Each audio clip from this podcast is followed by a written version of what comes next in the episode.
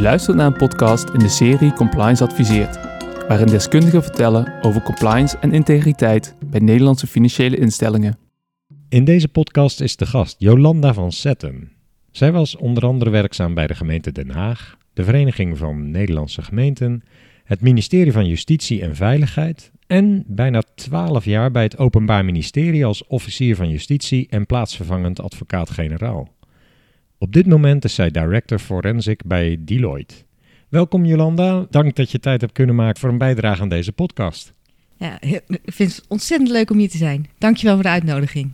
We besloten eigenlijk om uh, deze podcast een beetje op een andere manier op te zetten. Normaal gesproken vertelt de expert in onze podcast iets over ja, een specifiek onderwerp. Maar deze keer hebben we het anders gedaan. Het specifieke onderwerp ben jij zelf, Jolanda. Dat maakt hem wel wat apart, ja. maar misschien heb ik ook nog wel iets inhoudelijks bij te dragen. Weet jij nog, Jolanda, hoe wij elkaar hebben leren kennen? Daar moet ik echt even over nadenken. Maar volgens mij was dat het groot fooi-overleg. Ja, ja, voor de luisteraar die niet precies weet wat dat is. Ja, het overleg tussen de betalingsinstellingen, zeg maar, de banken, bij Equins in huis. Ja, klopt. Fantastisch. Ja, ik herinner me dat ik daar ook aan deel wilde nemen vanuit Buckaroo. Daar werkte ik toen als compliance officer. En ik werd helemaal aan de tand gevoeld of ik wel echt oprecht was in het compliant willen zijn. Ja, ja, dat was een heel bijzondere ervaring. En toen was er een keer een overleg waar jij het woord kreeg en een vurig pleidooi hield. ik had nog nooit een officier van justitie in levende lijf ontmoet.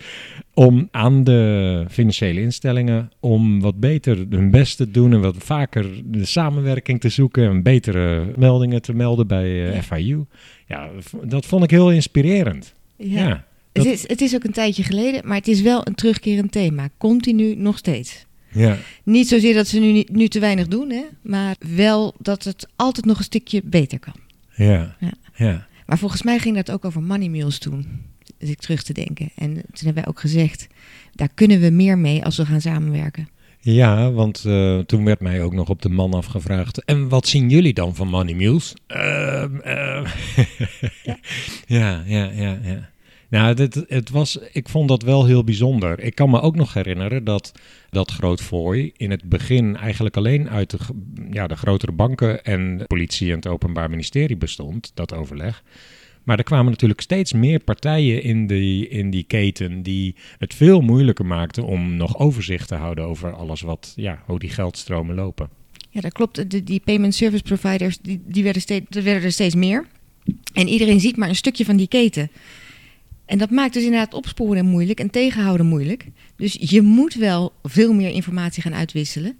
Dat zie je nu ook wel steeds, steeds meer groeien. Maar ehm, eh, het volledig tegenhouden, dat lukt ons nog steeds niet. Nee. nee. En, Op, en opsporen is ook lastig. Hè? Ja. Uh, er zijn steeds nieuwe manieren om, uh, om geld gewoon eh, weg te sluizen. Ik denk dat we daar straks, op het moment dat we de openbaar ministerieperiode in jouw leven gaan bespreken, nog wat nader in, op in moeten gaan. Ja, leuk. Maar laten we het in, proberen eens even jouw leven in een chronologische volgorde. je studeerde recht in Amsterdam. Ja. Wat was je motivatie om dat te doen? Ik uh, weet dat een van mijn docenten van de middelbare school zei: Je gaat rechten studeren en dat past ook bij je, want je, je gaat voor rechtvaardigheid. Dat, ik weet niet of dat echt de motivering was, maar het is wel een, een, een vak wat me altijd aan het hart is uh, gegaan. Ja. Enig idee waar dat dan vandaan kwam? Ja, toch uit een gevoel van uh, rechtvaardigheid en ja, eerlijkheid. Ook heel belangrijk. Integriteit. En dat is misschien ook wel de rode draad in mijn hele carrière geweest. Mm. Ook tot waar ik nu ben gekomen. Integriteit. Ja. ja overal gesproken, uh, want dan stappen we weer heel even over je hele carrière weer. Heb je het gevoel dat je daar ook iets aan kunt bereiken nu? Is de wereld beter geworden? ja, het is wel een heel erg gewetensvraag. Nee, ja, de, nou, heel eerlijk gezegd, uh, uh, bij elke stap die ik heb gezet, heb ik wel geprobeerd daar een beetje, zoals ze dat bij Deloitte zeggen, impact te, te hebben. Ja. Daar iets te bereiken en ook iets te bestendigen. Ja. Ja. ja. ja. Als je daar dus bewust naar op zoek gaat, dan heb je een drijfveer. Ja, ja, Die, die herkende ik toen volgens mij al wel duidelijk ja, in. Ja, daar zit de felheid inderdaad. Ja. We, moeten met elkaar dit gaan doen en we moeten hier eh, een vuist tegen maken. En de samenleving moet weerbaarder worden. Dat, dat gevoel, ja. Wat heb je nu nog aan je studierecht van toen? Ontzettend veel. Het- maar het grappige is, ik ben afgestudeerd in het eh, bestuursrecht. Heel erg op het gebied van eh, eh, toezicht en opsporing. Dus de scheidslijn tussen bestuursrecht en strafrecht. Vervolgens heb ik me gespecialiseerd in bestuursrechtelijke handhaving. En, eh, op het gebied van bouw- en woningtoezicht. Maar ook hoe gemeenten hun handhavingsprogramma moesten gaan maken. Op basis van risicoanalyse. Dat op een gegeven moment brandveiligheid erbij gepakt. Nou, allemaal mooie onderwerpen. Dus ben ik geswitcht naar het strafrecht. En in het strafrecht... In, in je studie nog? Nee, nee, dit Is, nee, dus ik ben gaan Ja, werken in de ja, handhaving en vervolgens naar het strafrecht overgestapt, naar het OM. Afgelopen jaar heb ik de grootstjesopleiding gedaan op het gebied van informaticarecht. Dat is een civielrechtelijke opleiding. En bij Deloitte komt alles samen. Mhm. Dat is Ja. echt fantastisch. Dus eh, ja, elke dag ben ik nog steeds bezig met mijn vak. Op Director of Forensic komen we straks nog wat uitgebreider op terug. Want ik zag bijvoorbeeld op je ehm, lijst eh, van... Ja, ik, ik bestudeer nog altijd eventjes wat het profiel is van De de, LinkedIn, hè? expert in LinkedIn. Ja, ja, ja. dat. En daar stond dat je van 2004 tot 2009 nog gestudeerd hebt aan de Universiteit van Zuid-Afrika. ja, UNISA. Ja, dat was eh, long distance learning. Je zat dus niet werkelijk in Nee, Zuid-Afrika? Oh, Nee, ik kwam er wel heel veel, want dat was ook wel de aanleiding. En in die tijd hadden wij eh, bedacht om misschien te gaan emigreren. En toen dacht ik, ja, maar met mijn Nederlands recht kan ik natuurlijk helemaal niks in Zuid-Afrika. De basis is een beetje hetzelfde, maar je kan er niet zoveel mee. Dus ik dacht, dan ga ik die hele studie weer opnieuw doen. Ik heb ook geen vrijstellingen gevraagd. Ik heb het echt oprecht weer helemaal opnieuw gedaan. Mhm, Dus mhm. ik heb in Nederland heb ik mijn master zeg maar gehaald. Hè. Dat was toen nog niet masters, maar doctoraal. En daar heb ik mijn bachelor gehaald.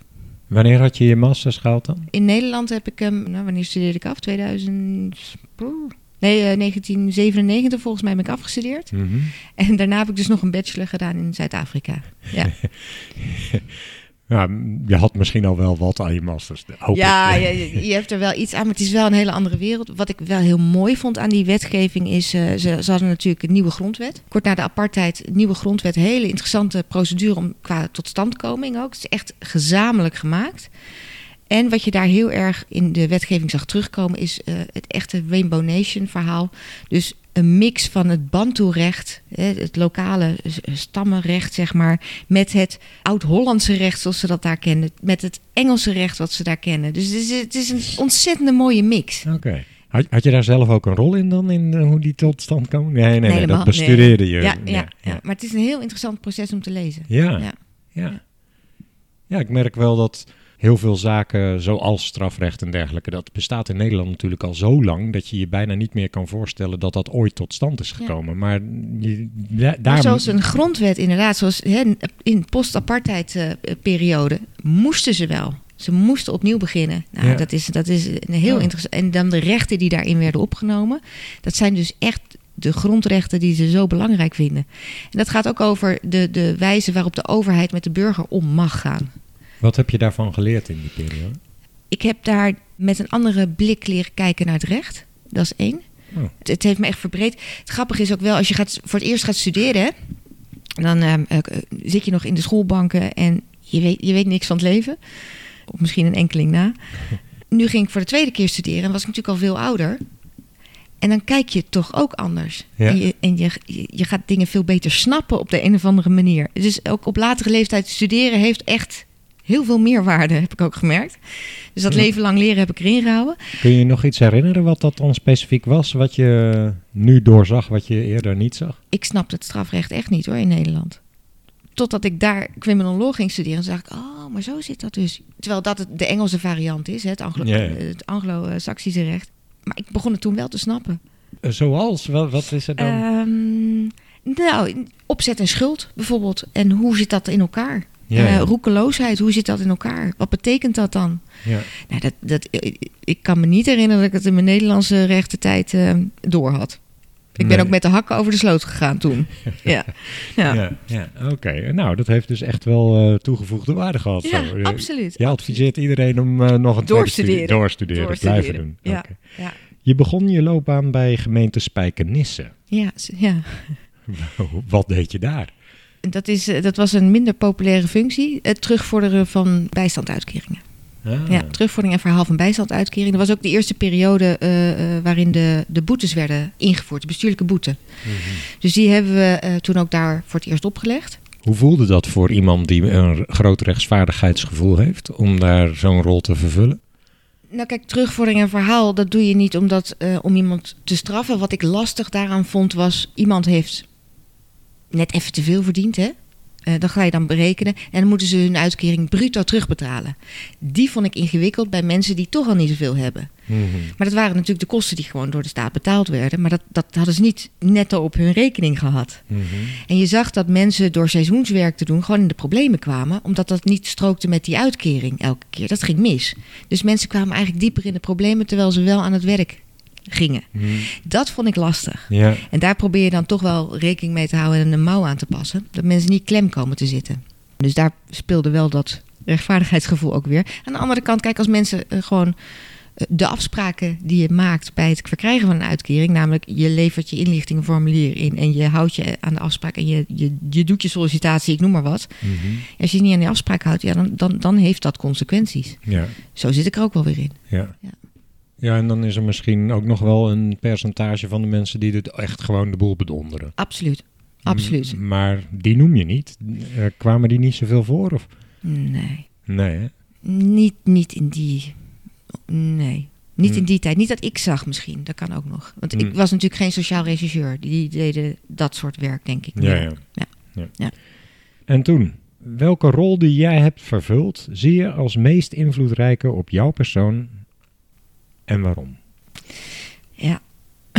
Ehm, ik denk dat de rol bij het ministerie van Justitie voor mij het meest heeft gebracht.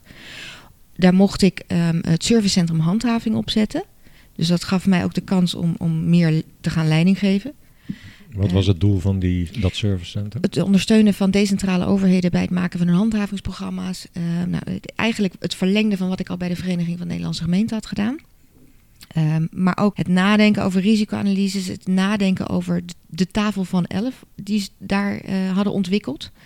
Eh, de tafel van elf, dat, is, dat zijn elf redenen waarom mensen wel of niet eh, regels naleven. Als je het over Oh. compliance hebt, hartstikke interessant. Oh, Het is echt een heel interessant. hoe, hoe kan ik dat vinden nog? dat kan je nu nog vinden bij het, eh, eh, bij het CCV, het eh, Centrum voor Criminaliteitspreventie. En dat, eh, die, eh, daar zitten een aantal oud-collega's ook eh, van mij. En die doen dat nog steeds. Ik, Ehm, ik, die ga ik opzoeken en ja. in de show notes zetten. Ontzettend leuk. Echt ontzettend leuk. En die, die tafel van elf, dat gaat eigenlijk van... ehm, eh, kent iemand de regel wel? Als je de regel niet kent, dan, is het nog een, dan kan je toevallig naleven... maar niet bewust naleven. Daar, dat soort dingen. Dus het gaat over... is het kenbaar? Is het, is het ook iets wat, waar een sanctie op staat? Hoe groot is de pakkans? Nou, zo zijn er een heleboel redenen voor mensen... om al dan niet eh, na te leven. Mhm. En dat kan je dus gaan beïnvloeden. Door naar, daarmee te spelen. Nou, dat is hun, hun gedachtegang altijd geweest. En zo hebben we dat ook eh, geïmplementeerd bij bepaalde onderwerpen. Hè. Ik noem maar wat, te hard crossen eh, in, in de bossen. Hoe ga je dat nou tegen? Nou, dan ga je nadenken over bijvoorbeeld fysieke belemmeringen... of meer controle of uh, nou, verzin maar wat. Leuk. Ja, er werd Ja. niet alleen aan handhaving Nee. en, en er werd ook echt een preventie eh, Ja. gedacht op die manier. Ja, en op die manier kan je dus de hele keten gaan beïnvloeden. Nou, Een heel mooie, heel mooie eh, manier van denken eigenlijk over Hm. naleven. Ja. Ja. En dat neem je dan ook weer een beetje mee in de andere rollen die je vervult, denk Ja, ik. Ja, absoluut. Dus, nou, Herken je dat terug ook ja, inderdaad? ja, ik, alles wat ik tot nu toe heb geleerd en gedaan, al die functies, ehm, het lijkt allemaal min of meer willekeurig, maar het, het heeft echt, het, het is echt doorgroeien geweest op de inhoud. Ja. En eh, dit was dan een van die, van die stukken, maar ik heb bijvoorbeeld ook me met het BOA-beleid mogen eh, bezighouden. Eh, en die discussies gaan nog steeds. Hè. Wel of geen handboeien, wel of geen. nou, hoe, wat moeten ze kunnen, wat mogen ze eigenlijk? Is het nou stiekem niet toch weer de gemeentepolitie? Die discussie speelde toen allemaal. En ik heb me bezig gehouden met convenantgesprekken met de politie. Zo kwam ik in aanraking met welke afspraken worden er gemaakt met de politieeenheden. Hè, over aantallen verdachten bijvoorbeeld. Of bepaalde onderwerpen die ze, waar ze wat meer of minder aan moesten doen. Nou, en op die manier kwam ik eigenlijk in dat wereldje terecht. En dat is wel de aanzet geweest voor het OM. Ja, Dus de- die functie heeft mij echt wel gebracht waar ik thuis hoorde. dat was welke functie dan? Bij, bij het uh, ministerie van Justitie. Juist. Ja. ja. Oké. Voordat we naar, het, naar je openbaar ministerietijd gaan, wil ik toch nog even benoemen. Je cv op LinkedIn vind ik echt indrukwekkend. Vele publicaties op je naam, uitstapjes naar cybercrime-achtige studies, etc. Wat is je motivatie? Wat is je, kun je nog iets meer vertellen over je inspiratiebron voor dit soort uitstapjes? Zeker. Ehm, ehm, ik ben sowieso leergierig. Ik leer ook makkelijk en snel. En uh, zeker, dit, ik heb via Coursera, hè, dat, uh, voor, ook voor, voor de luisteraars, absoluut een interessante site. Daar kan je. Uh, Coursera. Coursera. Coursera. Coursera heet oh, het. Dat zijn, dat, daar zitten allerlei universiteiten aan verbonden. En die bieden dus online hun webinars en dergelijke aan. Maar ook hele opleidingen. En daar heb ik heel veel gevolgd. Dat, dat kan je doen in je eigen tijd, hè, ideaal. Ja. Ik wilde vanuit. Dat heb ik met name gedaan toen ik al officier was. Ik wilde me meer verdiepen in het cyberdomein. Dus dan ben ik dat soort dingen gaan doen. Waarbij ik ook vond dat ik mijn digis, mijn digitaal specialisten moest kunnen begrijpen. Dus vandaar ook dat er iets, iets exotisch tussen zit als het programmeren met Python. Waarvan je echt denkt, welke jurist gaat dit in hemelsnaam doen? Mhm. nou, dat, heb ik gedaan. Ik wil niet zeggen dat ik het echt kan. Mhm. Ik kom niet verder, en nu gaan ze, de digis heel hard lachen. Ik kom niet verder dan Hello World. Dan weten zij waar, waar ik het over heb. echo, echo. toch of niet? Dat is toch uh, opdracht echo of niet? Print Hello oh, World. Oh, print. Vaste print op de. Ja, nou. maar dat, dat dus. Ja. Uh, maar de wijze van denken, dus het logisch denken en de opdrachten formuleren, dat helpt me nou wel weer. Was je ook bezig om te kijken op wat voor manier een programmeur cybercrime kan? Ja, oké. Ook, absoluut. En dat, dat soort opleidingen mocht ik ook doen. Hè. Eh, het leren hacken. Ja, een prachtige opleiding om te doen. Binnen de kaders natuurlijk. In, een, een prachtige oefenomgeving. Ja, super interessant. Maar dan snap je ook hoe het werkt. En dan kan je ook beter opsporen. Ja, dat was natuurlijk ook het doel. Dat was het uiteindelijke doel. Ik wil het snappen. Had je ook opsporers om je heen die daar expertise in hadden? Of, ja, dat, zeker, dat, ja. zeker. Ja, ja. En je ziet ook wel dat de meeste cyberofficieren, uh, uh, die, zijn wel een beetje, die hebben wel een beetje een tik wat dat betreft. Die zijn wel heel fanatiek en heel erg gericht en willen het zelf ook echt snappen en kunnen. Die techniek begrijpen. ja. ja. Dat voor juristen, leuk. en dat is wat betreft die cybercrime-achtige studie. Ik denk dat we straks nog even terugkomen in het verhaal over je tijd bij het Openbaar Ministerie, hoe dat dan werkte. Maar je hebt ook nogal wat publicaties geschreven. Kun je ons meenemen in één of twee die het meest indruk hebben gemaakt of zo van je publicaties? Nou, een van de eerste was, um, en dat was in de tijd van de Vereniging Nederlandse Gemeenten. Toen ging het over handhaving en hoofdstuk 5 van de AWB. En toen mocht ik voor Kluwer een, uh, een boekje schrijven over dat hoofdstuk. en dat hoofdstuk gaat over handhaving. Dus het gaat over toezicht. Ja, ja. En welke bevoegdheden heeft een toezichthouder en um, uh, hoe werkt het met gedoogvergunningen? toezichthouder als in DNB of anders type? Of de gemeente. Bijvoorbeeld, Hè, bouw- en woningtoezicht is natuurlijk ook een toezichthouder. Op gemeentelijke verordeningen. Ja, precies. Of op de woningwet toen. En, en het bouwbesluit. Mm -hmm. dus dus je, je hebt heel veel mensen die als toezichthouder werken en zijn aangewezen als toezichthouder. En die hebben hun regels, die zitten in hoofdstuk 5 van de AWB, Algemene Wetbestuursrecht. Mm Nou ben ik er al even uit, dus ik weet niet of er heel veel gewijzigd is inmiddels. Want dat is echt heel lang geleden dit. Maar dat, dat was, uh, was de eerste keer dat ik een boek schreef. ontzettend leuk. Ja, maar ik vind alles wat ik heb gedaan, daar ben ik ook best wel trots op. Ik heb het ook allemaal met heel veel plezier gedaan. Ja. Ik heb voor het, het toenmalige Nibra, de brandweerkant was dat. Was uh, net na Volendam en Enschede zijn we bezig oh geweest met het handboek gebruiksvergunningen. Die, dat was uh, dat, die brand op uh, ja. oudjaarsavond. Ja, ja. ja. Nou, eh, Volendam was dat en, en de ontploffing uh, in Enschede van de vuurwerkfabriek. Ontzettend heftig. Maar met name ook de, de brand in, in, in Volendam dat heeft de vraag opgeroepen van waar moet het de horeca nou aan voldoen en controleren we daar wel goed op. En daar is een heel programma ook uit voortgekomen. Maar mhm. vanuit het NIBRA werd dus ook een handboek gebruiksvergunningen ontwikkeld. Daar mocht ik ook aan meeschrijven. Ja, dat, dat betekent dat je als jurist... Um, uh, ik heb ook lesgegeven bij de brandweer toen een tijd aan de preventisten die, die ter plaatse komen en ook het gesprek met de horecaondernemers op dat moment moesten voeren over eh, de, de bordjes en de draai, welke kant draait de uitgangsdeuren mhm, op, dat mhm. soort uh, onderwerpen. Maar als jurist met brandweermensen praten, dat is ook weer een andere tak van sport. Ja, ja, Ja. Je moet elkaar wel kunnen verstaan. Ja. En dat is eigenlijk ook iets wat steeds terugkeert. En dat maakt dat ik me probeer te verdiepen in die kant. Mhm. Want dan kan ik het beter uitleggen. Ja, En dan kan ik beter het gesprek voeren. Als ik weet hoe die andere kant ongeveer denkt.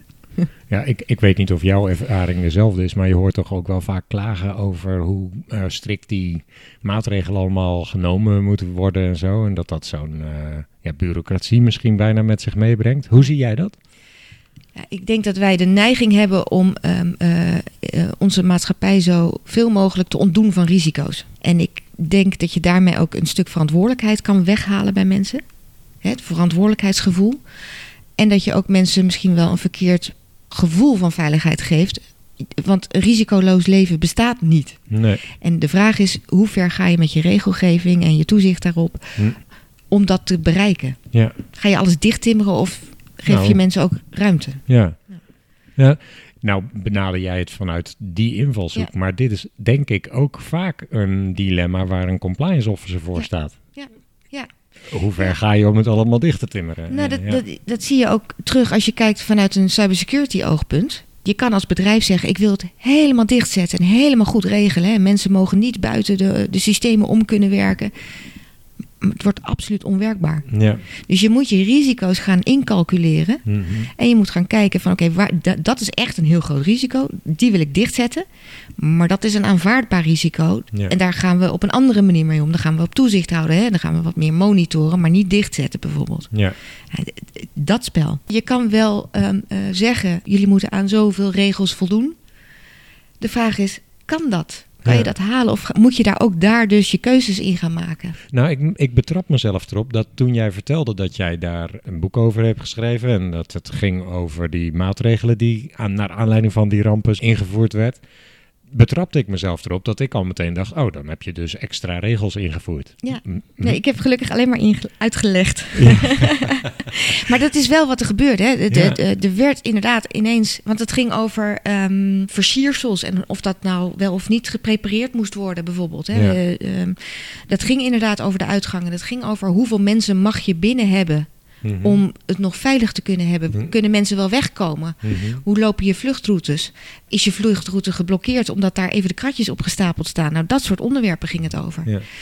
Ja, door heel veel te regelen voor mensen en verplicht te stellen, Ja. maak je dat mensen zich Ja. daar dus ook lelijk gezegd achter kunnen verschuilen. Ja, ja. Dus je moet mensen. Mensen zijn echt wel in staat om na te denken hoor. Geef Ja. mensen gewoon ruimte daarin. Maar bijvoorbeeld eh, dat kratjes opstapelen bij zo'n nooddeur. Ja, dat, dat gebeurt wel eens, tuurlijk. En de vraag is, is iemand zich daar bewust van? Of ga je dan even het gesprek aan als je het ziet als je als preventist langskomt? ja. Nou ja, dat, dat- zo kan het natuurlijk ook. En dat hoeft niet Ja. meteen met sancties en toestanden, Nee. maar gewoon van, hé hey joh, let even op. ja. En eh, Ja. is je nooddeur op slot of is die gewoon open zoals die hoort? Deze thema's zijn dus allemaal één op één te kopiëren hè, naar compliance. Ja, mooi, hè? Ja, leuk. Ja. Ja, het, is ook, het is ook echt, eh, waar ik ook kom, dit zijn de discussies. Ja. Waar ik ook ben. Ja. Hoe zou je de periode, we gaan nu weer verder, we gaan Mhm. nu eindelijk dan toekomen aan waar we het al over hadden, het Openbaar Ministerie. Hoe zou je die periode van bijna 12 jaar willen omschrijven? Hoe kijk je daarop terug? Eh, met he- echt heel veel plezier. Eh, kijk erop terug. Het is een. eh, ik, ik begon. Ik wist niks. Laten we heel eerlijk zijn. Strafrecht, ik wist niks. Dus ik moest het vak leren. hè. Ik moest het strafrecht goed gaan leren. Maar ik moest ook het spel in de rechtszaal gaan leren. Ik was natuurlijk geen togadrager. En de, ik was een zijinstromer, zoals ze dat noemden. Maar zijinstromers hebben de handicap dat ze echt niet zo heel veel weten Nee. wel op hun onderwerpen en wat ze hebben gedaan, maar niet op dat. Dus ik heb heel veel kantonzittingen gedaan. En dan ehm, eh, merk ik dat mensen dan altijd een beetje schamper erover bijna gaan doen. Hè, een kantonzitting. Een van de eerste zaken ging over een hele interessante discussie. Zeker als je hem in deze tijd opnieuw zou voeren. Ik over bijna twaalf jaar geleden. Het ging over leerplicht. En deze ouders hadden hun kind op een virtuele school gezet. Nu kijken wij waarschijnlijk heel anders naar Vooral dit vraagstuk. corona. Juist. Maar dat maakt het ook wel heel interessant. Maar dit, Ja, ja. dit- die mensen hebben dat gedaan. En ik heb toen betoogd, ja, die virtuele school, dat is geen school zoals bedoeld in de leerplichtwet, et cetera. Dat is tot aan de Hoge Raad aan toegegaan. En dan denk ik, dat is een kantonzaakje geweest. Tussen aanhalingstekens. Helemaal aan het begin van mijn carrière. En dat belandde al bij de Hoge Raad. En dan zie je dus wat voor effect dat heeft. Mhm. Wat jij daar staat te doen in die rechtszaal. En dat dat ook effect kan hebben op wetgeving, Ja. bijvoorbeeld. Ja. Dus je bent een klein radartje, Ja. maar je kan een heel groot impact maken. ja. Hoe heeft dit uitgepakt dan? Uiteindelijk eh, klopt het wat ik had gezegd, op iets, andere, iets anders geformuleerd dan wel weer. Hmm. Eh, misschien iets juridisch correcter ook weer geformuleerd. Maar inderdaad, eh, dit was niet zoals het bedoeld was. Dus deze mensen voldeden niet aan de leerplichtwet. Hm. Ik, en ik denk dus dat als je deze discussie vandaag opnieuw zou doen, dat je een- echt een heel ander antwoord eruit gaat krijgen. Want ja, Ja. al die kinderen hebben online gezeten. Ja. Ja. Dus, dus dat, nou, dat maakt hem ook wel. Hè, het, het recht ontwikkelt zich dus Ja. ook. Uitleg ontwikkelt zich. De maatschappij en, en hoe je kijkt naar normen, dat ontwikkelt zich. Dat is interessant. Maar dat maakt dus dat je als officier van justitie daar ook heel bevattelijk voor moet zijn. Dat je goed in de gaten moet houden wat speelt er in de samenleving of niet. Nou, in ieder geval dat je wel eh, moet luisteren naar wat er gebeurt. Het betekent niet dat je eh, meteen die normen moet gaan incorporeren, hè, maar wel dat je, er, eh, dat je het in je achterhoofd meeneemt. Zeker als je het hebt over verschillende culturen. Of er is natuurlijk heel veel gesprekken zijn er gaande over inclusie en, en, en eh, diversiteit. Ook in de rechtszaal heb je soms slachtoffers en soms verdachten die echt uit een andere cultuur komen en andere normen en waarden hanteren. Dingen die wij gek vinden, die daar relatief normaal zijn. De vraag is, wat moet je daar dan mee in het Nederlands recht? Dus daar Hmm. zit een spanning op. Ja. Dat is interessant. Ja. Ja. Ja, ja. Maar als ik terugkijk, ik heb, ehm, ik heb me ontwikkeld. Hè. Ik, ik, kantonzaken, politierechterzittingen en dan met name begonnen met de alcoholzittingen, zoals we dat noemen. Hè. Het, het rijden eh, met alcohol op. Mhm. Van lieverlee wat meer eh, eh, inhoudelijke zaken. Ik ben veelplegerofficier geweest. Dus ik heb me bezig gehouden met de veel, veelplegers. Met de draaideurcriminelen, zoals ze dan ook wel worden genoemd. Hè. Met name woninginbrekers zijn dat. Mhm. En hoe je daarmee om moet gaan. En dan met name de ISD. Dat is de eh, inrichting stelselmatige daders. Waar ze twee jaar lang eigenlijk getraind worden. om niet meer die stelselmatig dader te zijn. Voor zover dat gaat. Dat was onder andere met eh, de PI in Vught. Erg interessant. Ik ben voetbalofficier geweest. En wat wil dat zeggen? Voetbalofficier. eh, Wij hadden eh, in Zeeland-West-Brabant drie clubs. RKC, NAC en Willem II. En daar was ik de voetbalofficier voor. Oh, dan, dat wil zeggen dat je moest zorgen dat eh, wedstrijden veilig verliepen? Of? Ja, bijvoorbeeld. Nou ja, ik niet. Hè. Dat doe je in de driehoek. Dus met de burgemeester Ja. en, eh, en de, de Politie. politie, precies. Eh, maar dat ging wel over, is dit een risicowedstrijd of niet? En ik heb echt wel wedstrijden eh, gehad waarbij letterlijk de koelkasten het veld op, opvlogen. Dat je daar moet ingrijpen, dat is dan wel duidelijk. Is wel knap dat je die een voetbalwedstrijd of een voetbalstadion in kan krijgen. Nee, de, nee het horecapunt werd geplunderd. Serieus? Ja, het was afschuwelijk. Ja. Het was echt afschuwelijk. Dat zijn ook wel de zaken die me dan bijblijven. Ik kan me ook voorstellen dat je kijk op de samenleving toch wel verandert als je dat soort dingen meemaakt. Ja, het is bizar. Dozen met frikandellen, eh, vorken, messen. eh, het horecapunt werd in brand gestoken. Dat was afschuwelijk. Waarom Ja. doen mensen dit? Vraag je je dat wel eens af? Ja, ja dat, ik heb me denk ik heel vaak afgevraagd. Maar je krijgt het antwoord niet. Dat is het gekke. Nee. Je krijgt nooit... eh, eh, mensen Nee. doen mee, lijkt wel, worden meegezogen in een soort... Ja, een vlaag van waanzin is het bijna te noemen. Nee, dus je, je krijgt het nooit redelijk uitgelegd. Hm. Maar dat heb ik dus gedaan. Voetbalofficier. Erg leuk. Mhm. Ik ben ehm, uiteindelijk dus cybercrime officier geworden. Via die voetbal. eh, nee, nee, oh. nee, nee, nee, nee. Gewoon Er in. zaten nog wel wat stapjes tussen. Nou ja, wa- wat er gebeurt binnen het OM, dat is het leuke. Je hebt allemaal portefeuilles. En Ja, ja. eh, daar kan je op ontwikkelen of specialiseren. En ehm, eh, op een gegeven moment kwam de eh, functie van cyberofficier vrij. Daar heb ik op gesolliciteerd. En dat, dat was eigenlijk mijn grootste wens wel. Ja, De combinatie van recht en techniek. En, en hoe kwam je dan bij dat fooi terecht dan? Ja, volgens mij omdat wij toen de aanpak van de money mules aan het opzetten waren. Ja. En ehm wij hadden toen bedacht... Kijk, money mule, hè, een, een geldezel... is echt niet per definitie de slechterik. Nee. Het zijn heel vaak mensen die eh, eh, kwetsbaar zijn. ja. Het zijn mensen die. Het zijn, het zijn jongeren vaak ook nog, hè, eh, Mhm. die in een bepaalde scene zitten en even hun pasje uitlenen en daar 20 euro voor krijgen. E- Even tussen, ik veronderstel dat eigenlijk iedereen die luistert weet, hè? wat het is. Maar toch misschien kort even, hè, hoe, wat heb jij daarvan gezien? Hoe, hoe, wat, wat ben je erover te weten gekomen wat misschien de gemiddelde luisteraar juist niet weet? Money mules worden ingezet om geld te cashen. Ja, En die worden geronseld. Eh, dat is ook gewoon onderdeel van je, van je criminele processen, van je criminele bedrijfsvoering. Je hebt een sloot aan money mules nodig. Gewoon om de rekeningen ter beschikking te krijgen. Daar wordt geld op, op gezet, op die rekeningen. heb je ook kunnen zien hoe dat dan in, in Ja. werkelijkheid gaat. Ik ben crimineel, ik heb Ja. een miljoen en dat wil ik... eh, Verspreiden ik, over wil, bankrekeningen. Ik wil zorgen dat ik niet degene ben die dat eh, achter de hand heeft. Maar dan ga ik naar een schoolplein of hoe, Kan, of online hè? online ook. Ja. Ja, en eh, de, je ziet, het, het ontwikkelt zich ook. Hè? In het begin was het binnen de eigen kring, maar het wordt ook steeds professioneler. Dus je ziet nu, het doet zich voor alsof het een baan is. Bijvoorbeeld. En als je op het moment dat je doorhebt dat je wordt gebruikt, ja, dan is de- je rekening al aangetrokken, Misbruikt. misbruikt. Dan is je rekening waarschijnlijk ook al eh, stopgezet door de bank Ja. en sta je op die zwarte lijst. Ja. Dus de consequenties daarvan zijn enorm. En eh, wij hebben toen eh, in die periode hebben wij gezegd van joh, ehm, eh, die money mules zijn vrij makkelijk te ontdekken. Als je naar de bankrekeningen kijkt, hè, dan zie je daar patronen in. Zij- daar heb je ja. dus ook de hulp van de banken voor nodig. Absoluut, Ja. absoluut. Dus, Ja. En die banken die kunnen die patronen, die zien die patronen natuurlijk ook.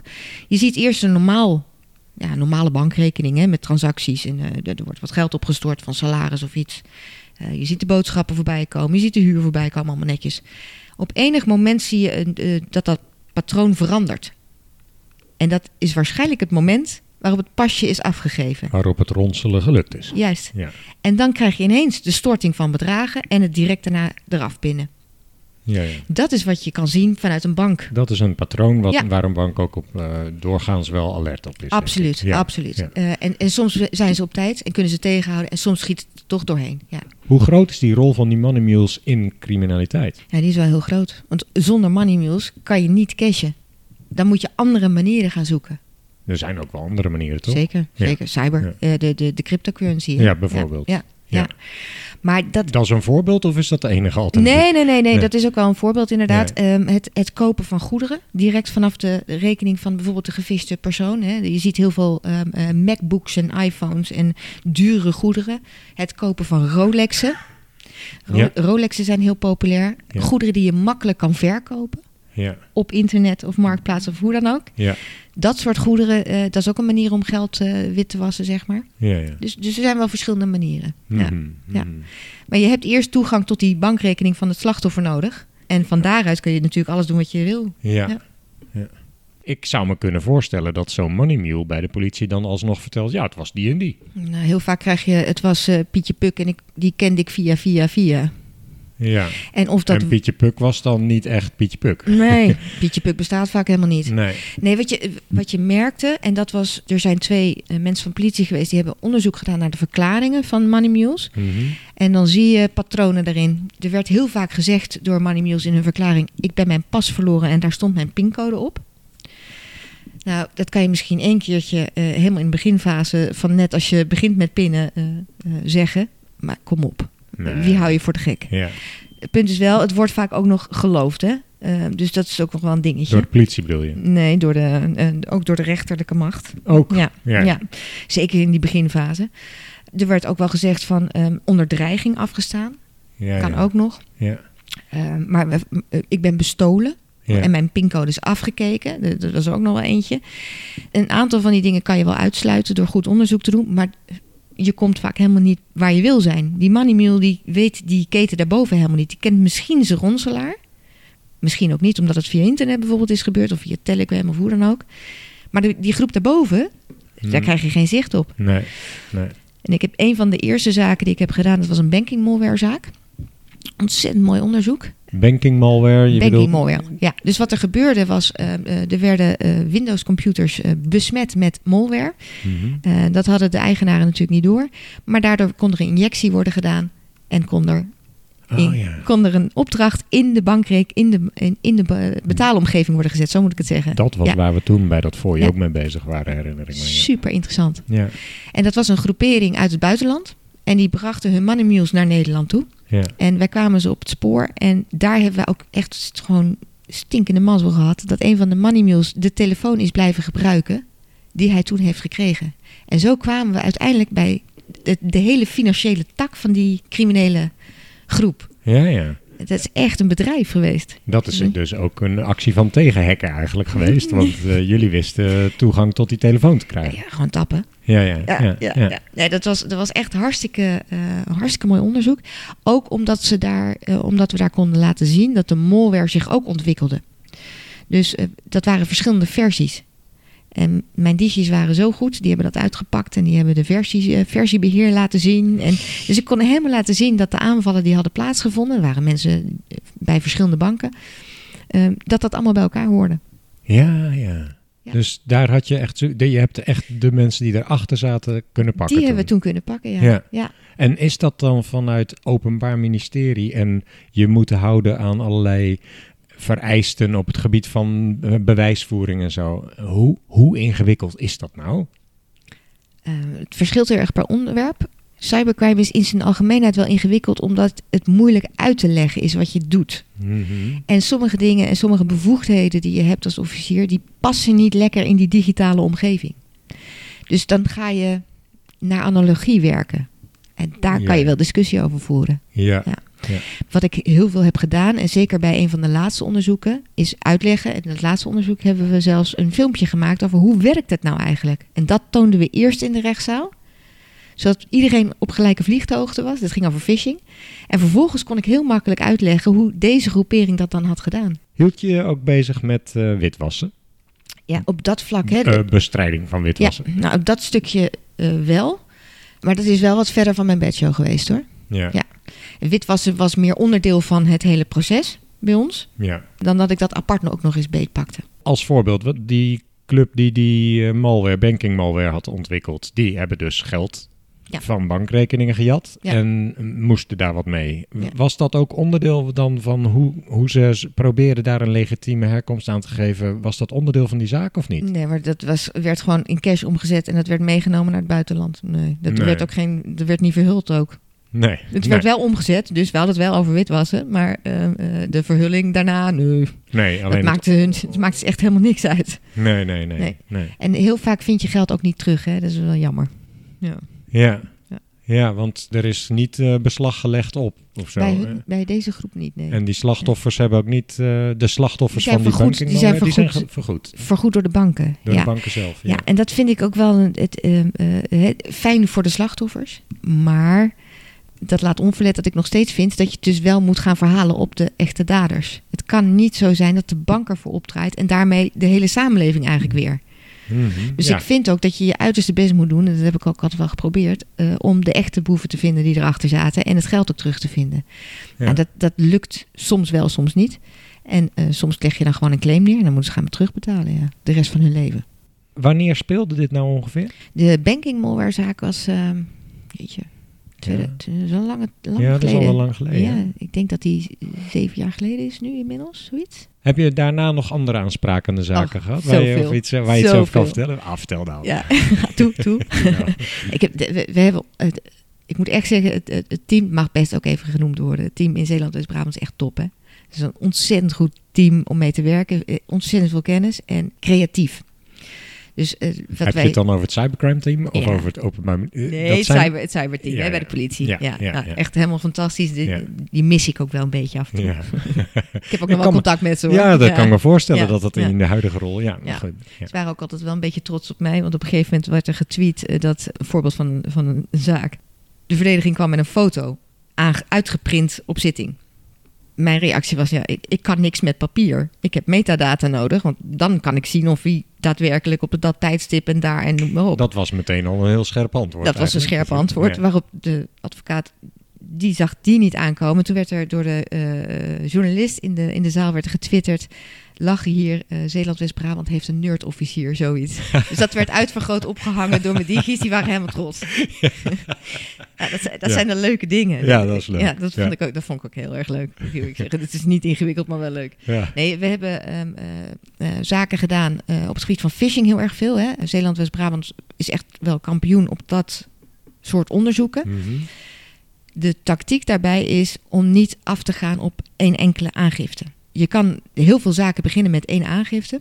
Dan gaat iemand daar zich helemaal in verdiepen en alle details eh, verzamelen. Dat is niet zo heel erg handig. Je moet eerst zorgen dat je je data verzamelt. Dus je moet heel veel aangiftes gaan verzamelen. Mhm. De vluchtige data daarvan veiligstellen en dan gaan analyseren. Mhm. En dan ga je dus los van de aangiftes werken in feite. Je gaat alleen maar kijken van oké, die server moet ik hebben. eh, die, nou. Omdat je daar patronen in gaat zien in die grote hoeveelheden data. En dan ga je op zoek naar de fout.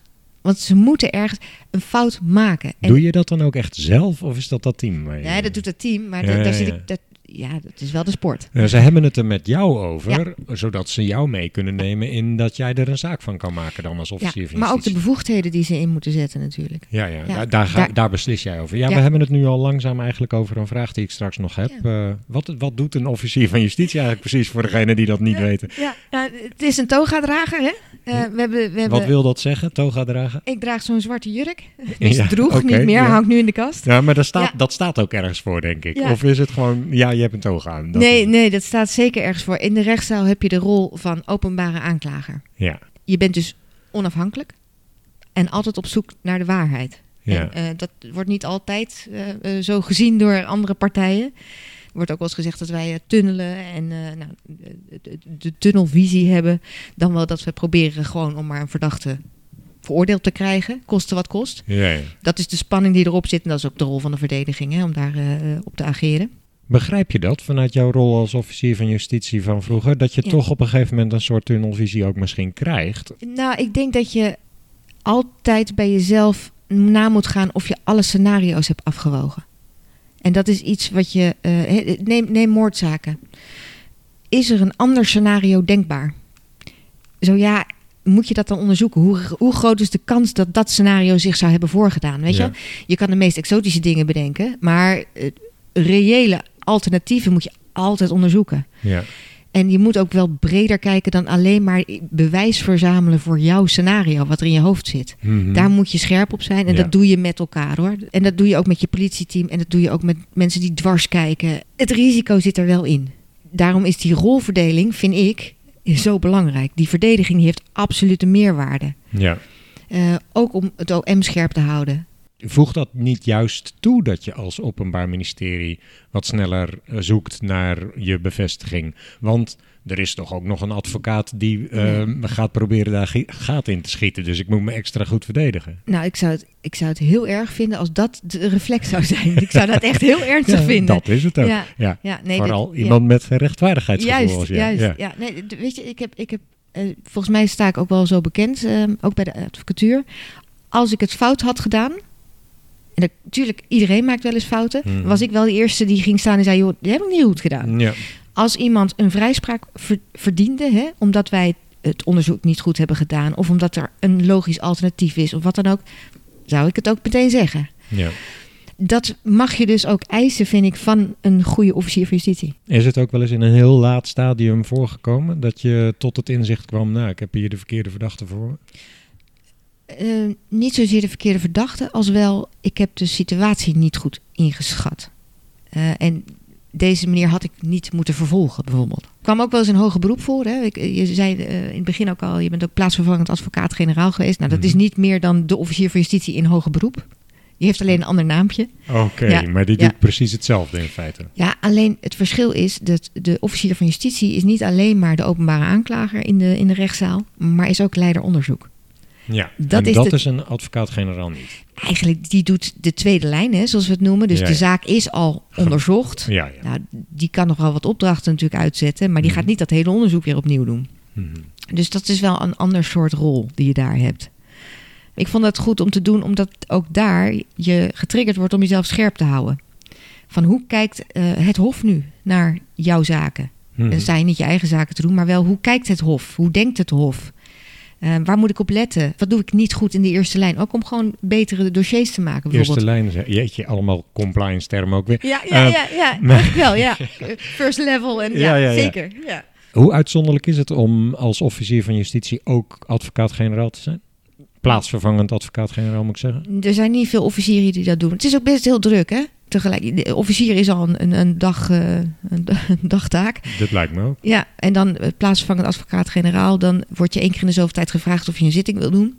Omdat er een tekort is bijvoorbeeld. Of, eh, of je even wil inspringen. Of dat er iemand ziek is geworden. Dus je moet vrij snel de dossiers tot je nemen en Mhm. op zitting brengen. Dat zijn ook niet de meest ingewikkelde dossiers, zeg ik gelijk bij. Hè? Dat Mhm. kan niet. Nee. Maar het komt helemaal niet vaak voor. Nee, nee mag nee. best vaker. Hm. Ja. Denk dat, ik denk dat eh, het resourcepakket nu heel blij wordt als ik dat roep. Maar ja, zo van ja, ja, meer, meer plaatsvervangers. Ja. Nou ja, hoe vaak kwam het voor dat, eh, dat zaken waar je mee bezig was grensoverschrijdend bleken te zijn, waardoor je bij opsporing belemmerd werd? Ehm, zeker in die cyberwereld was het vol continu. Ja. Ja. En Of, of omdat er servers in het buitenland stonden, of omdat er handelingen vanuit het buitenland werden gedaan, of dat er rekeningen in het buitenland waren, of nou verzin maar. Internationale samenwerking, eh, zeker weer in opsporing, is complex Mhm. en duurt lang. Kon je daar iets mee als plaatsvervangend advocaat-generaal? Eh, eh, Nee, daar, nee daar, daar niet. Ik heb wel geleerd, zorg dat je je netwerk op orde hebt. Ja. Want dat maakt dat je toch even je collega uit het buitenland kan bellen van... joh, luister, ik heb nu echt hulp nodig. Ik ben ook officier geweest eh, voor het Internationaal Rechtshulpcentrum... Hè, in Zeeland-West-Brabant. En die doet die contacten met het buitenland ook. Oké. Dus ik kende ook vrij veel mensen in dat buitenland. Met name België natuurlijk, want daar deden we heel veel zaken mee. Mhm. Je zit zo, in, zo de grens over. Ja. Maar ook Duitsland en eh, Frankrijk en Italië. En heel veel ehm, eh, collega's. Maar kwam je ook bij cybercrime niet vaak in Rusland of China of eh, Ja. Afrika? Of... Ja, Afri- Afrika ook nog wel eens. Mhm. maar met name servers en bedrijven op eilanden waar je niet zo makkelijk bij komt. Nee. Ja. Ja, een voorbeeld? Welk eiland? Eh, nou, de British Virgin Islands ben ik wel tegengekomen. Ja, ja. Toch ook wel een beetje dat bulletproof hosting. Hè? Eh, dat, dat kwamen we vrij veel tegen. Wat moet ik me daarbij voorstellen? Nou ja, Sorry hoor, dat- ik dit- leek hier. Nou ja, eh, dat je servers gehost worden. Door een partij waar je helemaal niet achter kan komen nee, waar dat je niet bij kan komen, Nee, inderdaad. Waar ja, je ja. juridisch ook echt niet bij kan komen. Hey, en bij BVI denk ik, bij British Virgin Islands, denk ik aan het verhullen van eh, vermogen. Eh, Maar, Daar zitten links, hè, tuurlijk. Ja, ja. Ja.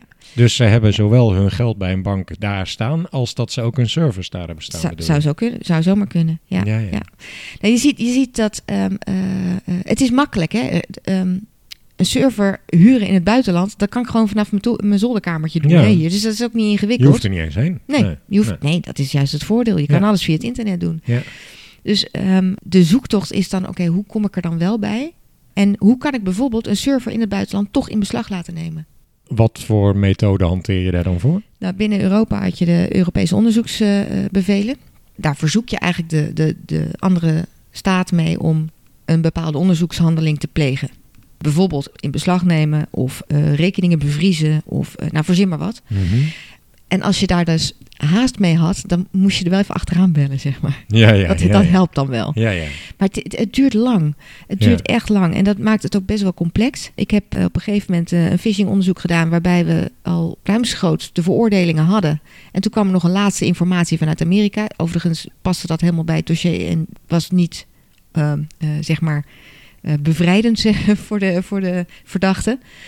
Maar dat duurde dus twee of drie jaar... voordat ik die laatste informatie kreeg. Ja, Ja. dat is... Dat Dan is ben je bijna al vergeten waar, over wat voor zaak het ging, denk ja, ik. ja, dat duurt echt te lang. Ja. Ja. Dus dat vond ik frustrerend. En ik denk ook, hè, als je dan eh, eh, naar de private sector kijkt, banken onderling kunnen veel sneller schakelen. Dus we moeten met elkaar gaan denken over, oké, hoe kunnen wij nou in die internationale context sneller data uitwisselen? Ik heb wel het idee dat wetgevers vanuit Europa ook eh, veel nadruk leggen over uitwisseling van Ja. gegevens tegenwoordig. Ja. Herken je dat? Ja, herken ik wel. Alleen het wordt ook allemaal in allerlei formulieren gegoten die best ingewikkeld zijn. Ja, ja. En waardoor het weer heel erg bureaucratisch wordt. ja. Omdat iedereen dezelfde standaard moet gaan gebruiken, krijg je ook een mix aan vereisten vanuit die, al die verschillende landen binnen Europa. Mhm. En dat maakt het niet altijd even veel eh, duidelijker of eh, makkelijker. Jij zei even met je collega bellen is handiger. Dus Ja. je zou eigenlijk willen zeggen, maak een bellijst. en, en bel gewoon af en toe eens met elkaar. Sowieso moet je bellen met elkaar, sowieso. Ja. En er Ja, zijn ook wel genoeg momenten om elkaar te ontmoeten. Ik heb, ik heb het geluk gehad dat ik een eh, prachtige opleiding mocht volgen. Dat was een trainde traineropleiding op het gebied van cyber in Madrid. Met allemaal cyberofficieren en mensen van de politie. Super. Maar dat, dat contact hou je dus. Ja, ja, ja.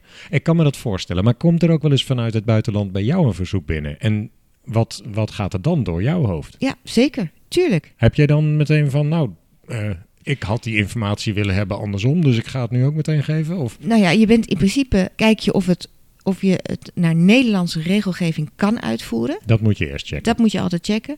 En als dat kan, dan heb je eigenlijk gewoon de verplichting om het te doen. Ja, Daar komt het op neer. ja.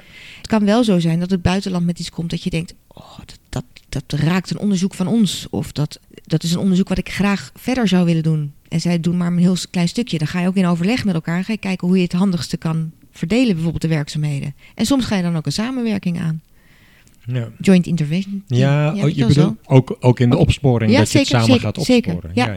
Er zijn allerlei tools juridisch voor, dus dat is hartstikke mooi om, eh, als dat kan. En dat maakt het weer een stukje makkelijker. Oké. Maar het, Ja. het internationaal werken is wel, eh, het kent een eigen dynamiek. Het is leuk. Wanneer was je nou eigenlijk tevreden over je werk bij het Openbaar Ministerie als officier van justitie? Dat lag heel erg per zaak, verschilde dat. In sommige gevallen had je te maken met slachtoffers. En als de slachtoffers naar je toe kwamen en je bedankten, zeg maar, dan was ik ook tevreden. Mhm. Dan dacht ik, oké, ik, heb, ik, heb, ik heb het gedaan hè, naar eer en geweten en eh, volledig eh, qua waarheidsvinding. Dat zei ik ook altijd tegen slachtoffers. Van jongens, ik ben niet jullie advocaat. Ik sta hier voor de waarheid. Dat kan ook betekenen dat we er niet komen.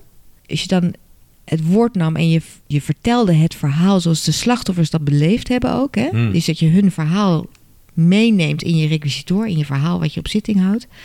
Dan zie je ook dat, dat er geluisterd wordt. En dan geef je ze een plekje. Door? Door- Geluisterd door bedoel ik? Ja, door de rechter Ja, ja. en door eh, de advocaat en eh, door het publiek. Mhm. En daar geef je een zaak een gezicht mee. Dat vond ik heel erg belangrijk. En als dat dan lukte, dat, ja, dat, dat vond ik heel erg fijn. Een heel mooi voorbeeld vond ik de discussie die je kan hebben juridisch of iets moord of doodslag is. Voor nabestaanden is elke zaak waarin een geliefde is omgelegd, is gewoon moord. Klaar. In de Hmm. volksmond zeg je moord. Mhm. Daar moet je dus bij stilstaan. Dat moet je uitleggen. En juist door daar de tijd voor te nemen, dat, dat doe ik niet voor de rechtbank, want die rechtbank die snapt dat wel. Mhm. Dat doe ik niet voor de advocaat, want die snapt dat ook wel. Ehm, maar als je moet uitleggen dat je niet zegt dat het moord is, maar dat het doodslag is, dan moet je de tijd voor nemen. En als je dan eh, begrip bijna ziet, ze zijn het er niet mee eens, ze vinden het niet Mhm. fijn, maar wel Nee. begrip, dan heb ik ook mijn doel bereikt. ja. Dat. Dus dan was ik tevreden. Dat is wel knap dat je de gevoeligheid voor Ja. die slachtoffers daarin meeneemt, denk ik. Ja, dat moet ook wel. Eh, Ja? ja, weet Denk je, je dat dat gebruikelijk is bij het OM? Of is dat iets persoonlijks van jou? Nee, Ja. steeds meer. En je, zeker in dat soort zaken, in, in moordzaken, zit je ook met nabestaanden om de tafel. En die neem je ook mee in het proces. Ja. En die leg je uit hoe, hoe loopt zo'n onderzoek nou? Waar loop je tegenaan? Die worden ook begeleid vanuit de politie natuurlijk. Maar ehm, eh, ook als officier nemen ze mee in hoe gaat het op een zitting. Ja. En zij mogen ook het woord doen, hè? Ja. En dat is heel heftig. Ja. Ik heb daar eh, gezeten in één zaak waarbij de moeder van het slachtoffer aanwezig was en de, de beide verdachten heeft aangesproken. Ja. Ik had zoveel respect voor haar. Zij was zo krachtig. Hm. Ik vond het zo dapper hoe ze dat deed. Ja. Met al het verdriet wat ze heeft. Hè. Haar zoon die, eh, die eh, was vermoord. Ik kan me Heel- voorstellen heel dat heftig. je dan heel erg tot de kern komt van Ja. waarom we eigenlijk überhaupt strafrecht hebben. Want Ja. daar gaat het eigenlijk om, hè? Ja, hier, Ja. hier gaat het over. Ja. Er zijn slachtoffers, er zijn verdachten. eh, en, en je moet op de een of andere manier. Misschien is dat ook wel het mooie wat ik heb meegenomen uit Zuid-Afrika. Daar heb je natuurlijk het, het, het reconciliation proces gehad. Na de apartheid moest eh, blank en zwart, zeg maar, weer met elkaar leren leven. Mhm. Daar is een Truth and Reconciliation Committee op geweest. Hm. Die al die mensen heeft begeleid. Al die verhalen heeft aangehoord. En Oh, ja. geprobeerd is van herinneren, ja, om, om die gemeenschap weer een toekomst te bieden. ja. Ik denk dat dat stuk herstel, dat dat eigenlijk ook de boodschap is. Ik denk dat ik dat daar ook heb meegekregen. Hm. Ja. dat kan wel. Maar ehm, dat requisitoire. Dat spreek ik goed uit zo, toch? Requisitor. Dank je. Ja. Sorry. Dat is denk ik als je, waar je als officier van justitie vanaf het moment dat je maar een zaak op je bureau krijgt, eigenlijk al helemaal naartoe leeft, of niet? Ja. ehm, eh, Hoe, hoe gaat dat? nou, de- de, ehm, in mijn geval was dat altijd eh, drie dagen van tevoren en een beetje nachtwerk. het verhaal zit wel in je hoofd namelijk. Zeker als je Mhm. zelf het onderzoek hebt geleid, dan Mhm. zit dat verhaal echt wel in je hoofd. Ja. Maar het uitschrijven ervan, zodat een ander het ook begrijpt, dat is best complex. Ja. Ja, en, en, en dan, ik, ik werk het beste onder druk, moet ik bekennen. Dus dan moest die tijdsdruk moest erop en dan Ja. kwam er iets moois uit. Als dat zo werkt Ja. voor jou? Ja, ja, ja. Ik schrijf het niet alleen voor de juridische beroep- beroep- beroepsgroepen. Nee. Een requisitor is echt bedoeld om mensen uit te leggen wat is hier nou gebeurd. Gewoon in klinkklare taal. Ja. En dat is ook wel wat we van de, van de pers terugkregen. Hè. En, eh, eh, Sas- Saskia Belleman is daar ook wel eh, voorvechter van. Dat is een, is dat? dat is een eh, journaliste die heel veel op zittingen kwam. En die zei ook af en toe, praat toch eens Nederlands mensen. Echt. Ik snap, Ja. ik, ik, weet wat jullie zeggen, maar dit kan ik toch niet twitten eh, of wat dan ook. Mhm. Dus het gewoon Nederlands niet verju- verjuridiseren zeg maar, van teksten, dat, dat is ook wel een kunst. Misschien is dat ook wel een beetje een, een neiging die je hebt om het wat in juridische termen, om er wat afstand van te Ja. hebben of Kan. zo. Ja, kan. Ja. Ja. Waar lagen in die tijd de grootste uitdagingen voor je? We hebben het natuurlijk over die buitenland, dat, kunnen we, dat, dat is duidelijk. Maar Ja. Wat ik altijd lastig vond, was eh, als zaken heel lang duurden.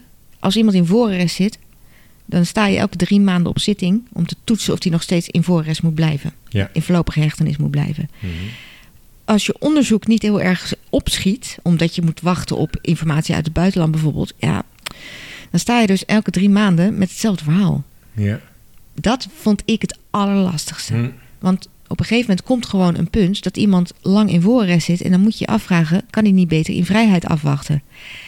Dat is zo ingewikkeld. Dat is, qua gevoel is dat zo moeilijk.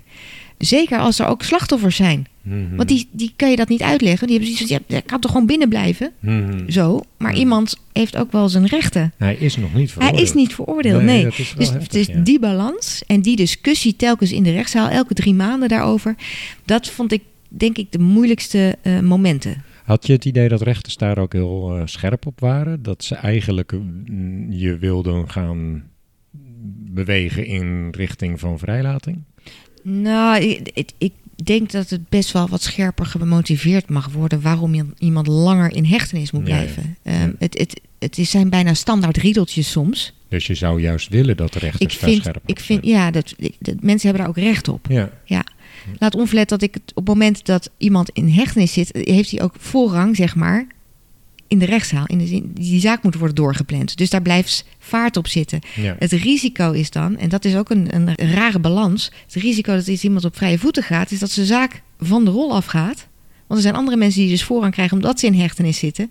En die zaak laat op zich wachten. Mhm. Nou, daar is ook niemand bij gebaat. Nee, nee Dus- je wilt het eigenlijk zo snel mogelijk afronden. Ja, dus, ik, dus het, het tempo hoog houden, dat was de kunst. Ja. Ja. Er staat wel behoorlijk druk op altijd, Ja. denk ik. Ja, op er dat staat werk. heel Ja. veel druk op. Ja. Emotioneel. En zijn dat dan mensen waar eh, de mensen waarmee jij werkt als officier van justitie, zijn dat mensen die jij dan ook echt opdrachten kan geven? Ben jij de baas van die mensen? Als ik dat zo ga zeggen, dan ik denk niet dat ze dat zullen accepteren. Maar ik gaf wel leiding aan het politieteam. Maar ik ging over of bevoegdheden mochten worden ingezet. Dus ik ging over de rechtmatigheid en dergelijke. Zij gingen over de wijze waarop. Ja. Ehm, dus, dus als je bijvoorbeeld hebt over eh, gaan we binnentreden in een woning, dan was ik van de formele kant. Ja, dat kunnen we het juridisch wel niet, noem maar op. Ga ik regelen of niet? Mhm. Ehm, en zij waren van de uitvoering. Ja. Dus, dus ga je, op welke manier ga je dan naar binnen? ja, ja. Dus eh, blaas ik de deur op of klop ik, Ja. klop ik aan, bij wijze van? Nou, dat. ja. Maar had jij als officier van justitie ook invloed op de tempo waarmee je dat onderzoek verder Ja. voortgezet werd? Ja. Hoe dan? Ja, door gewoon de- ook bij hun de druk erop te zetten. Ja, maar kon je, ze bijvoorbeeld ook zeggen, je, jullie zijn nu op deze manier aan het onderzoeken, maar doe het nou eens op deze manier, dat gaat Ja. veel sneller. Ja. ja dat, ja. dat, maar, dat is, voor. maar dat is een dialoog. Dat is niet, ik, ik was niet, ik, ik ben niet een leidinggevende die, die nogal directief is. Nee, nee. Ik, het was echt wel, en dat, dat vind ik ook wel belangrijk. Je hebt je eigen blinde vlekken. Iedereen heeft blinde vlekken. En Mhm. als je niet open staat voor andere meningen, dan hou je die blinde vlekken. Ja. Dus ik zorgde ook altijd wel dat ik de stilste mensen toch kon horen. Ik heb nog wat vragen over eh, Deloitte. En ik wil je nog vragen wat je belangrijkste boodschap is die Ja. je de luisteraars van deze podcast mee wil geven. Waar wil je als eerste mee beginnen? Ik denk dat het eh, met elkaar verband houdt. Want eh, het werken bij Deloitte, hè, ik ben in juni begonnen. Dat was voor mij ook een spannende stap, kan ik zeggen. Ik ben, zoals je weet, nu mijn hele leven lang ambtenaar geweest. En 1 juni was ik Ja. geen ambtenaar meer. Ik, 1 juni. 1 juni. Dus Ja. dat is heel recent. Ja. Die overstap vond ik wel heel spannend. Deloitte is natuurlijk ook een kantoor eh, gigantisch groot over de hele Mhm. wereld. Commercieel. Ja. Anders. Ja, ja, Eh, dus die vond ik spannend. ja. Eh, ik kan nu naar. Wat, wat was je motivatie om dat te gaan doen nou, wat, ik, wat ik wil bereiken eh, is eigenlijk. Als officier kom je altijd te laat. lelijk gezegd. Ja. De, ja. de daad is al geschied. Ja. Eh, eh, het leed is geleden. eh, de schade hè, is Je groot. zoekt naar rechtvaardigheid en waarheid, maar ja, het is al gebeurd. Het is gebeurd. Ik wil voorkomen. Ja, ja. ja. Ik wil met elkaar voorkomen. En dat is ook de boodschap gelijk naar de luisteraars. Je moet dit samen allemaal gaan aanpakken. Dus dan heb je het over financiële fraude. Je hebt het over witwassen. Je hebt het over de digitale fraude. Je hebt het over cybercrime. Maar over zoveel meer. Green crime, ook een heel, heel interessant onderwerp. Gaat ontzettend veel geld in om. Dat kun je alleen maar met elkaar aanpakken. De overheid kan dat echt niet in zijn eentje. Moet je ook niet willen, denk ik. Mhm. Specialisten zitten bij allerlei partijen. Laten we die nou gaan bundelen. Ja. Laten we nou proberen om daar een fundament voor te leggen. Ja. Want het is nu allemaal een beetje hapsnap op een onderwerp. En eh, ik wil toch echt vanuit die rol als director forensic proberen om die publiek-private samenwerking, want daar heb je het dan over, om dat te verstevigen. Ja. Ja. En als je, ja, sorry, ik zit dan toch te denken, de overheid, de, het Openbaar Ministerie pakt banken bijvoorbeeld, publiek, private partijen bedoel ik, aan. En vervolgens vragen ze, zullen we samenwerken? Ingewikkeld, hè? ja, ja. Hoe Ja. zie je dat? Nou, dat, dat is een eh, discussie die je met elkaar ook moet voeren, vind ik. Als bank moet je aan heel veel regels voldoen. En we hebben het al eerder gehad over die risico's die je moet incalculeren. En waar ga je nou het meeste op zetten? Als je met elkaar samen bepaalt dat je een, een bepaald onderwerp gaat beetpakken, kan dat dus betekenen dat ook een bank minder aandacht of ruimte heeft voor een ander risico. Mhm. Dat moet je benoemen met elkaar. En vervolgens moet je daar ook respect voor hebben. En dat betekent dat je, je de overheid en banken zijn geen gelijke partners, maar wel gelijkwaardig. Hmm. Laten we elkaar ook zo behandelen. Ja. En dat betekent dat je dus die ruimte geeft om samen die risico's te bekijken en te zeggen: nu gaan we prioriteit daarop geven. En dat betekent dat we ook snappen dat er daar wel eens iets mis kan gaan. Mhm. Vinden we dat heel erg belangrijk, dan moeten we andere oplossingen gaan bedenken. Maar is het een risico wat je kan nemen? Oké. Ja. Die gelijkwaardigheid die mist nu. Mhm. En ik denk dat daar een, nog een mooie slag in te slaan is. ja. En daar kun je ook iets aan doen in jouw nieuwe rol bij? Zeker. Ja. Dit is precies wat ik. Wat, deze discussie voer ik onder andere. ja. Wat houdt je rol eigenlijk precies in? Kun je daar iets meer over vertellen? Ja, ik vind hem zelf ook wel spannend. Director Forensic, hè, binnen Financial Advisory. Het is ook allemaal in het Engels. Eh, de- Deloitte is, eh, een, eh, heeft de Engelse taal als voertaal. Oké. Is dat Ehm, omdat je ook veel buitenlandse klanten ook hebt? Ja, maar ook heel veel buitenlandse collega's. Ik, ik heb een team eh, eh, om me heen van eh, nou, bijna 100 mensen uit Zuid-Afrika, uit Roemenië, uit Duitsland, nou, noem maar op. Mhm. Overal vandaan. Mhm. En die werken er ook allemaal gewoon in Nederland. Hè. We, we zitten in Amsterdam. Dat zijn datavreters werkelijk. Mhm. Het zijn techies. Het zijn criminologen, psychologen, sociologen, accountants niet te vergeten. Paar verdwaalde juristen ertussen. En, een paar, en weet je, Gemêleerd het is ontzettend. Nou, dat, Ja. En dat is de kracht, vind ik, van Deloitte. Maar dat laat ook zien dat je als je specialisme bij elkaar zet, dat je meer kan bereiken. Mhm. Dat is iets wat ik natuurlijk heel erg propageer. Wat wij doen is eh, tweeledig. Aan de ene kant, als er een incident bijvoorbeeld is geweest, dan gaan wij op zoek naar de data en gaan we dat reconstrueren. Ja, een stukje als waarheid, forensisch waar- specialist. Ja, Ja. waarheidsvinding in feite. Hè? Ja. Daar kun je het mee Is vergelijken. het nog steeds achteraf? Dat zeker. Oh. En de andere kant is het adviseren en proberen aan de voorkant dus Juist. alles Ja. voor elkaar te krijgen. En dat Ja. deel is, is Ik ook doe beide, trouwens- ja. Ja, ik kan me Ja. ook voorstellen dat dat adviseren ook beter werkt als je ook veel onderzoek hebt gedaan. Daar kun je je advies dan weer op eh, Precies, baseren. precies. Ja, ja, en dat, de, stel je voor, er is een, een, een grote eh, ransomware-zaak geweest bij, bij een bedrijf. Dan hebben we een hele sterke cybersecurity afdeling. Die gaat daarmee aan de slag om dat allemaal te herstellen en voor de toekomst ook veilig te stellen. Veiliger te maken, moet ik zeggen. En onze club, die gaat de data reconstrueren. Die gaat kijken, hoe is dat nou gebeurd? Ja, ja. Ja, fantastisch. Ja. En wordt dat dan ook weer gebruikt in een eventuele zaak bijvoorbeeld? Eh, Het OM kan er gebruik van maken. Als Ja. we- nou, dat is wel iets waar ik, waar ik wel ook eh, discussie over voer. Hè. Vind je nou dat politie het allemaal zelf moet kunnen? Of vind je nou dat ze ook gewoon specialisten mogen inhuren? Hm. Ik ben van de laatste, daar ben ik altijd al van geweest. Hm. Eh, want ik, je kan niet verwachten dat politie alles in huis heeft om op alle onderwerpen mee te kunnen draaien. Dus ik vind ook dat je specialisten moet kunnen inhuren. Nou, er zijn, dat, dat is wel een interessante discussie die ik laatst hoorde. Er zijn het steeds meer advocatenkantoren ook die dit soort werk eh, Ja. in de Ja. etalage zetten. Ja. Maar dat zijn vaak advocaten die ook als advocaat ingehuurd worden. Hoe kijk je daar dan naar? Nou, ik, ik ben van mening dat het zelfonderzoek, zoals het heet, hè, zo wordt het wel genoemd, Mhm. ehm, eh, dat kan prima werken, mits je maar de, de lijnen volgt en de waarborgen van het opsporingsproces, Ja. het transparant doet Mhm. en het moet reproduceerbaar zijn. Ben dat jij onderzoek. binnen Deloitte ook een echte vertegenwoordiger van de kennis op wat voor manier je opsporing doet? Ja, die kennis neem ik mee, maar het is ook een particulier recherchebureau. Dus zij zitten al heel erg in de onderzoeken. Het grootste verschil Ja, is natuurlijk, hè, als officier kon ik vorderen en eh, in beslag nemen Mhm, en binnentreden. Nu moet ik het allemaal lief vragen.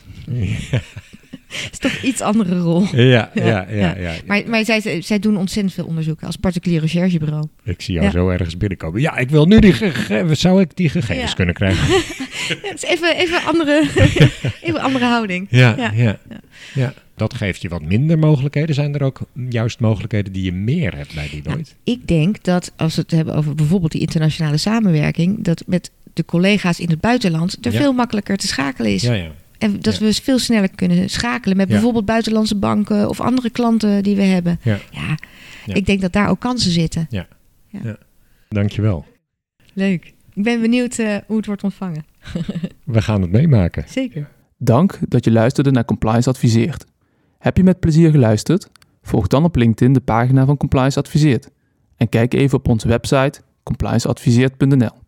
Laat daar je e-mailadres achter, zodat je een e-mail krijgt bij een nieuwe aflevering.